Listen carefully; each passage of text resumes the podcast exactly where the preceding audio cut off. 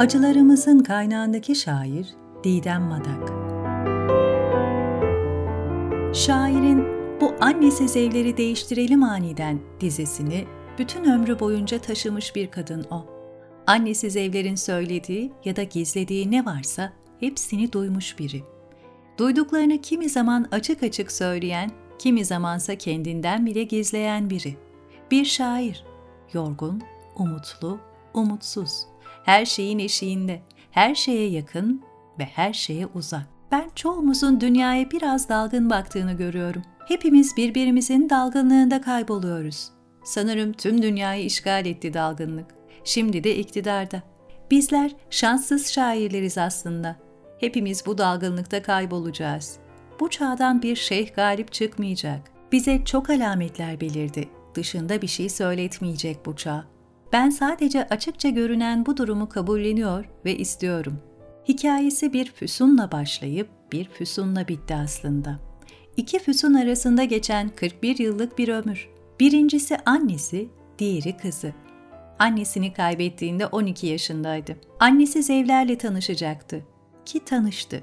Teyzesi ona ve kardeşi Işıl'a annesinin gençliğinde tuttuğu defteri verdi. Öyle tanıştı Madak şiirle annesinin dönemin ünlü ve iyi şairlerini tuttuğu defteri görünce başladı hikayesi. Annesizdi. Elinde ondan kalan bir defter vardı. Bu mirasla başka ne yapabilirdi? Böyle bir durumda yazmaktan başka ne yapılır ki? Bodrum katı. Hikayesinin bir diğer dönüm noktası da burası biraz. Üç sene süren bir evliliğin ardından taşındığı Bodrum katında şiirler yazdı o. Limanı olanın aşkı olması burada aklından geçirdi saymayı mutsuzların bulduğunu burada. Bütün renkleri mezun etmişler hayatlarından dediği insanların yanından buraya döndü. Pul Biber Mahallesi burada kuruldu. Yanan ruhu grapon kağıtlarıyla burada sarıldı. Genç ölmek ve hayata erken başlamak. Onun hayatını böyle de tanımlayabiliriz. Gitgellerle dolu bir yaşamdı onunki. Tezgahtarlık, anketörlük gibi işlerde çalıştı af çıkınca birinci sınıfta bıraktığı hukuk eğitimini tamamladı. Yani savruldu, düştü, yaralandı, ayağa kalktı. Allah'a sığındı. Kendi tabiriyle 26 yaşına kadar her istediğini yaptı. Sonra kendime dur demem gerekiyordu.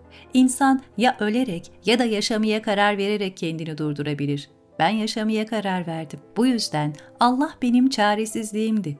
Artık konuşabileceğim kimse kalmadığı için konuştuğumdu. İster istemez şiirlerimde de bu konuşmanın izleri var.